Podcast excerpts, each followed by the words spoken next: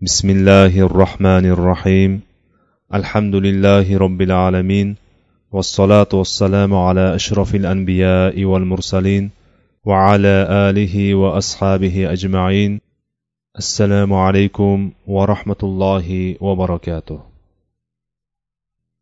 umaviylar davlatining qulashi sabablari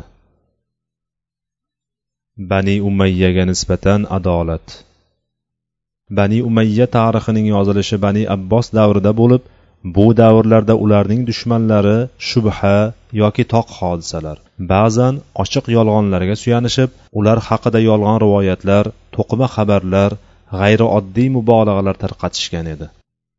Albatta bu holatlar ularning tarixini ko'p o'rinlarda xolisona yozilishdan to'sib qo'ygan. Ular haqida aytilgan nohaq tuhmatlarni quyidagi nuqtalarda keltirish mumkin. Birinchi ularning johiliyat davri va unda islomga qilgan qarshiliklarini yoritib musulmon bo'lganlaridan keyingi xizmatlaridan ko'z yumish. Ikkinchi ularning davrida sodir bo'lgan baxtsizliklarni yoritish va ularni bo'rttirib atrofida yolg'on yashiqlar to'qish. Uchinchi zaiflik xato va kamchiliklarni yoritib ko'p yaxshilik tomonlarini e'tiborsiz qoldirish. To'rtinchi. Hukm muddati qisqa bo'lgan yoki zaiflik va boshqa toyilish sababi bilan tanilgan xalifalar haqida turli yolg'on mish mish gaplar tarqatib takrorlayverish. Beshinchi. Bani umayyaga ham asr bo'lib yashagan dushmanlarining so'zlarini suyaniladigan hujjatlar o'rnida e'tibor qilish. Oltinchi. She'riy va nasriy adabiyotdagi ba'zi buzuq ko'rinishlaridan o'sha asrning fasodligini bayon qilish uchun foydalanish. Yettinchi ular haqida axloqsizliklar to'qib tarqatish. Biz bani umayyaning davri roshidinlar davridek sog'lom bo'lgan deb ham shu vaqtning o'zida ba'zi tarix kitoblari tasvirlaganidek fasodu zulmda johiliyat kabi bo'lgan deb ham aytmaymiz. Balki u roshidinlar davridagidan ko'ra ozroq toyilgan va haqdan og'ish taraflari zamon o'tishi bilan asta sekin yoyila boshlagan davr bo'ldi deymiz. Ammo islomiy jamiyat roshidinlar davridagidek bo'lib davom etgan. Garchi fathlarning ko'pligi sababli mol dunyo asirlarning ko'pligi bilan biroz ta'sirlangan va ular orasida farovon hayot hukmron bo'lgan bo'lsa da biroq ular jihod chaqirig'ini eshitgan paytlarida ijobat qilishar bu dabdaba hayotni alloh yo'lida jihod qilish uchun tark etishar edi. Bunday ruhiyat bilan allohning yerida bepayon mintaqalarni fath qildilar. Modernist tarixchilar ko'p takrorlaydigan islomiy jamiyat o'sha paytlarda siyosiy guruh va jamoatlarga bo'linib ketgan edi degan so'zlari ham hech qanday asl asosga ega bo'lmay shunchaki bir xayoliy tasavvur bo'lgan. Rofiza va havorijlar to'g'risida keltirilgan voqealar aytib o'tilgan gaplar birdamlik ruhi hukmron bo'lib bir biriga jipslangan musulmon jamiyatida kamyoblikni ahli sunna val jamoa e'tiqodida yuruvchi g'olib jamiyatga nisbatan juda ozchilikni tashkil qiladi. Ana u dushmanlar bani umayyaning sanoqli ayblariga e'tiborlarini qaratib ularning atrofida son sanoqsiz uydirmalar to'qishganda ularning fazilatlari va oliyjanob amallaridan ko'z yumishgan. Quyida biz ularning ba'zi fazilat va oliyjanob amallarining xulosalarini keltirib o'tmoqchimiz. Birinchi aytib o'tganimizdek bani umayya xalifalarining aksari solih va to'g'ri yo'lda bo'lib ayrimlari sahoba va tobeinlardan edi. Ikkinchi ularning sahoba va tobeinlardan ahli ilm ahli fazllarini voliylik qo'mondonlik vazifalariga muqaddam qilishlari. Jumladan amir ibn os va o'g'li abdulloh busr ibn artoh nomon ibn bashir abdurahmon ibn xolid ibn valid hamda bulardan boshqa solih qo'mondonlar hadis roviylari halol pokligi bilan mashhur kishilar. Uchinchi qozilikning mustaqilligi. Qozilarning azizligi hukmlarning istisnosiz hammaga barobar bo'lishi unda hokim ham xalq ham teng bo'lishi. To'rtinchi islomni yoyish uchun keng fathlari va o'shanga qattiq intilishlari. Ular jihodni yaxshi ko'rganlaridan mujohid va qo'mondonlarni o'zlarini jo'natish bilan kifoyalanmay alloh yo'lida jihod qilishlari uchun o'g'illari aka ukalarini ham yuborishardi. Beshinchi shaharlarni isloh qilish yaroqsiz yerlarga ishlov berish kanallar qazib daryolar oqizish odamlarga yashash sharoitlarini yaxshilab qulayliklar yaratib berish muassasa va masjidlar qurib ilmga qiziqtirish. Bular haqida madaniy qismda inshaalloh mufassal gapirib o'tamiz. Xo'sh unday bo'lsa nima uchun ularning davlati qulab azizligi bitdi?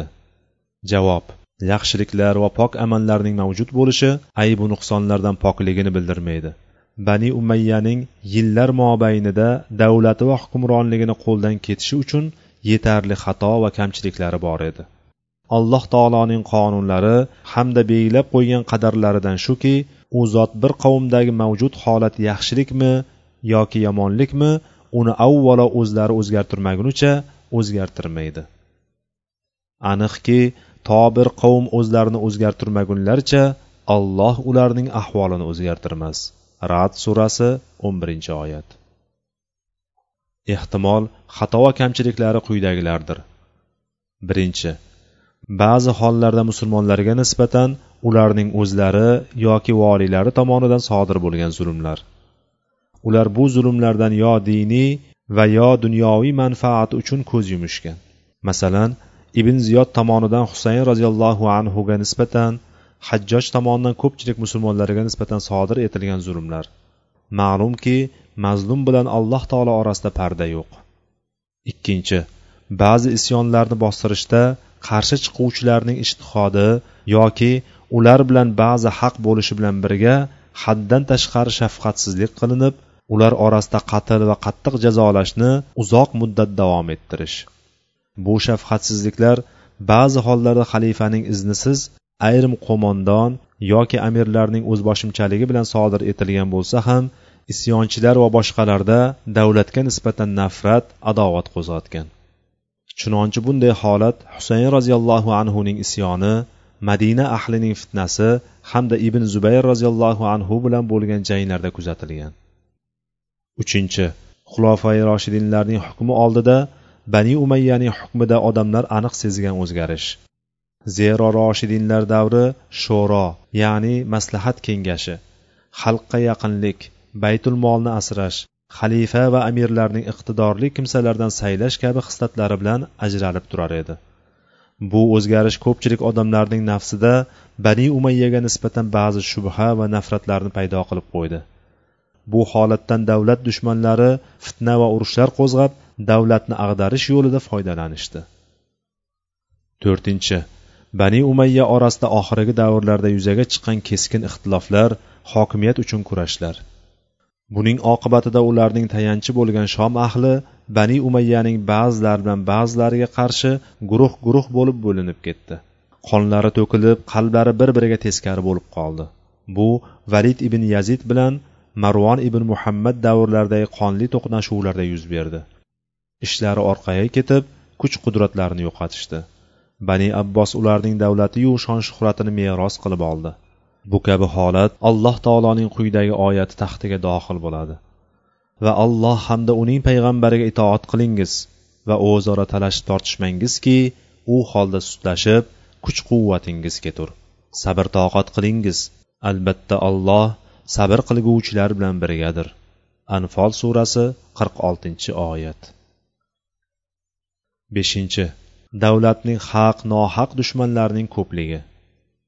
Rofizalar bani umayyaga qarshi ali roziyallohu anhu bilan birga urush boshlaganlaridan beri adovati bo'lgan. Ularning bu adovati bani umayya ular bilan urush qilgan sayin kuchayib boravergan. Havorijlar umaviy islomiy davlatga qarshi ketma ket kuchli qo'zg'olonlar ko'tarishgan. Qonlari to'kilib nafrat va adovat qattiqlashgan. Majusiy yahudiy va nasroniylardan iborat zindiq kofirlar esa xufyona ish olib borishib islom davlatiga. U amalga oshirayotgan jihod va fathlarga qarshi fitnalar qo'zg'ashib o'zaro urushlar yuzaga keltirishardi. Ular ya'ni kofirlar qo'llaridan kelsa to diningizdan qaytargunlaricha sizlar bilan urushaveradilar baqara surasi ikki yuz o'n yettinchi oyat.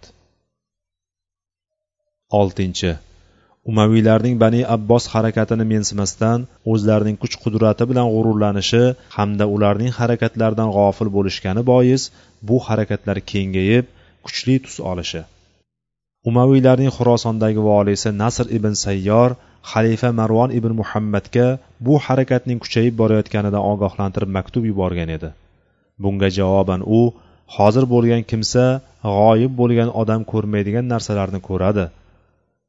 Bu so'galni qirqib tashlagin deb yozgan va uni arzimas sanab so'gal deb nomlagan. Alloh taolo o'zi xohlagan hukmni joriy qildi. Ularning davlati o'sha so'galning qo'lida o'z nihoyasini topdi. Alloh taolo aytadi ayting ey mulku davlat egasi bo'lgan allohim sen o'zing istagan kishingga mulk ato qilursan va istagan kishingdan bu mulkni tortib olursan.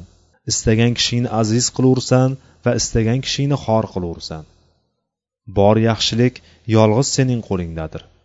Albatta sen barcha narsaga qodirsan. Oli imron surasi yigirma oltinchi oyat. Bu omil va sabablarning hammasi birgalikda umaviy davlatiga qarshi da'vatning bosh ko'tarishiga imkon yaratib uning rivojlanib keng quloch yoyishga munosib muhitni allohning qudrati bilan yuzaga keltirib berdi. Umaviylarga qarshi bu da'vat hijriy ikkinchi asrning boshlarida xurosonda boshlandi. Boshlanishda yashirin bo'lib da'vatchilar xurosonda savdogarlar qiyofasida aylanib yurishardi. Keyinchalik uyma uy shaharma shahar yurib o'ta ehtiyotkorlik bilan da'vatlarni yoya boshladilar. Shunday qilib xuroson bu da'vat yuzaga kelib mabda ya'ni asoslarning yoyilishi uchun unumdor yer bo'ldi. Nafslar umaviylarga nisbatan nafrat adovat bilan to'lib toshdi. Shaharlar alanga oldirishga tayyor holda uyib qo'yilgan quruq xashakdek bo'lib qolgan edilar. So'ng abbosiy da'vat kuchli qurollangan kurash bosqichiga ko'chib o'tdi. Bu bir yuz yigirma yettinchi yili bo'lib bu amaliy bosqichda yetakchilikni o'tkir siyosatdon kishi abu muslim xurosoniy boshqardi. Xuroson voliysi nasr ibn sayyor muammoning kattaligini anglab yetdi. Holatdan dahshatga tushib umaviy xalifa marvon ibn muhammadga abu muslimning holati uning qarshi chiqqani tobeylarning ko'pligi va u abbosiylar uchun da'vat qilayotganini bildirib maktub yozdi. Maktubini ushbu mashhur misralari bilan tugatdi. Haqiqatan bani umayya ogoh emas balki uyquda edi. Ular xurosonda alanga olgan xatarning oldini olishga e'tibor berishmadi. Buning oqibatida abu muslimning harakati kengayib xatari kuchayib ketdi. Xuroson shaharlari birma bir uning qo'liga o'ta boshladi. Bu xuroson qo'shini hujum qilib g'alaba ortidan g'alabaga erishib boraverdi. Iroq shaharlarining barchasi ularning hukmiga bo'ysundi va bir yuz o'ttiz ikkinchi yilning robiyul avvalida bani abbosning birinchi xalifasi bo'lib abu abbos saffohga bayat qilindi.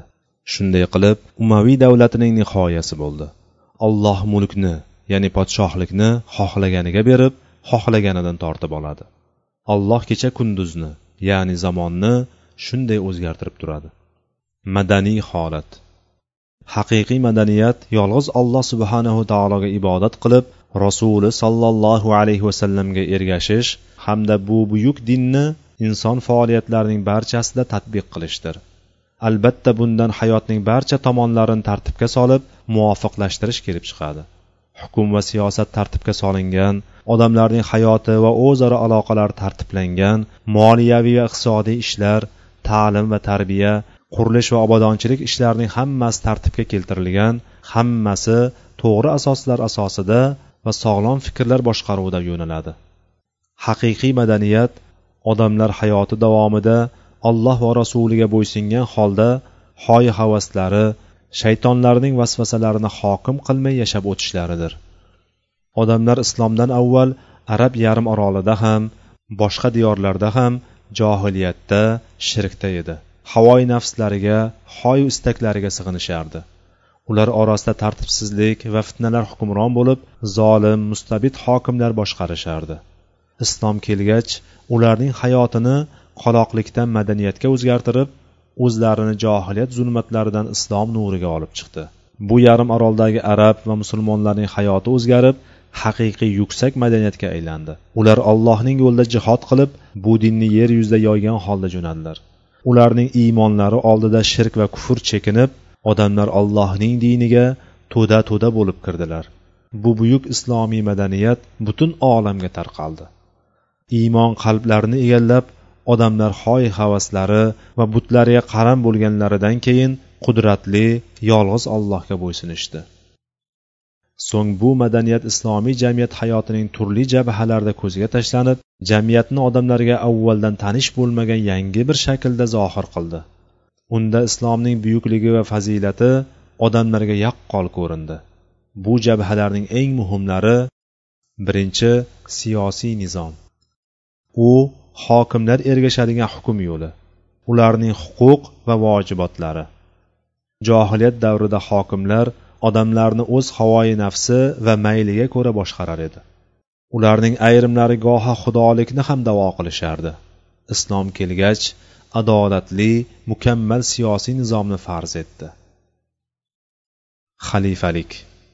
Bunda musulmonlar o'z xalifalarini xulofoi roshidinlarni tanlash usulida saylaydilar. Hokim xalifa deb nomlanadi. Chunki u ollohning shariatini hayotga tatbiq qilib odamlarni u bilan boshqarishda rasululloh sollallohu alayhi vasallamga o'rinbosar bo'ladi. Muammolar tug'ilib qolganda esa ummatning sog'lom fikrli shaxslari va olimlari bilan maslahat qiladi. Umaviylar davrida xalifani ixtiyor qilish nizomi o'zgarib ketdi. Muoviya roziyallohu anhu ijtihod qilib o'zidan keyin o'g'li yazidni ixtiyor qildi. Unga yuqorida aytib o'tilganidek ko'pchilik sahobalar bayat qilishdi. Musulmon xalifalar tarix uning misliga guvoh bo'lmagan insof va adolatning eng go'zal namunalarini namoyon qilishdi.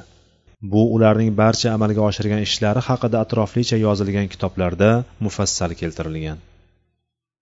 Qorovullik.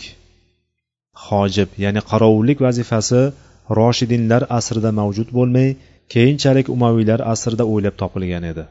Xalifalar bunga havorijlarning munosabati hamda ularning ali muoviya va amir ibn os roziyallohu anhuga suiqasd uyushtirganlaridan keyin majbur bo'ldilar.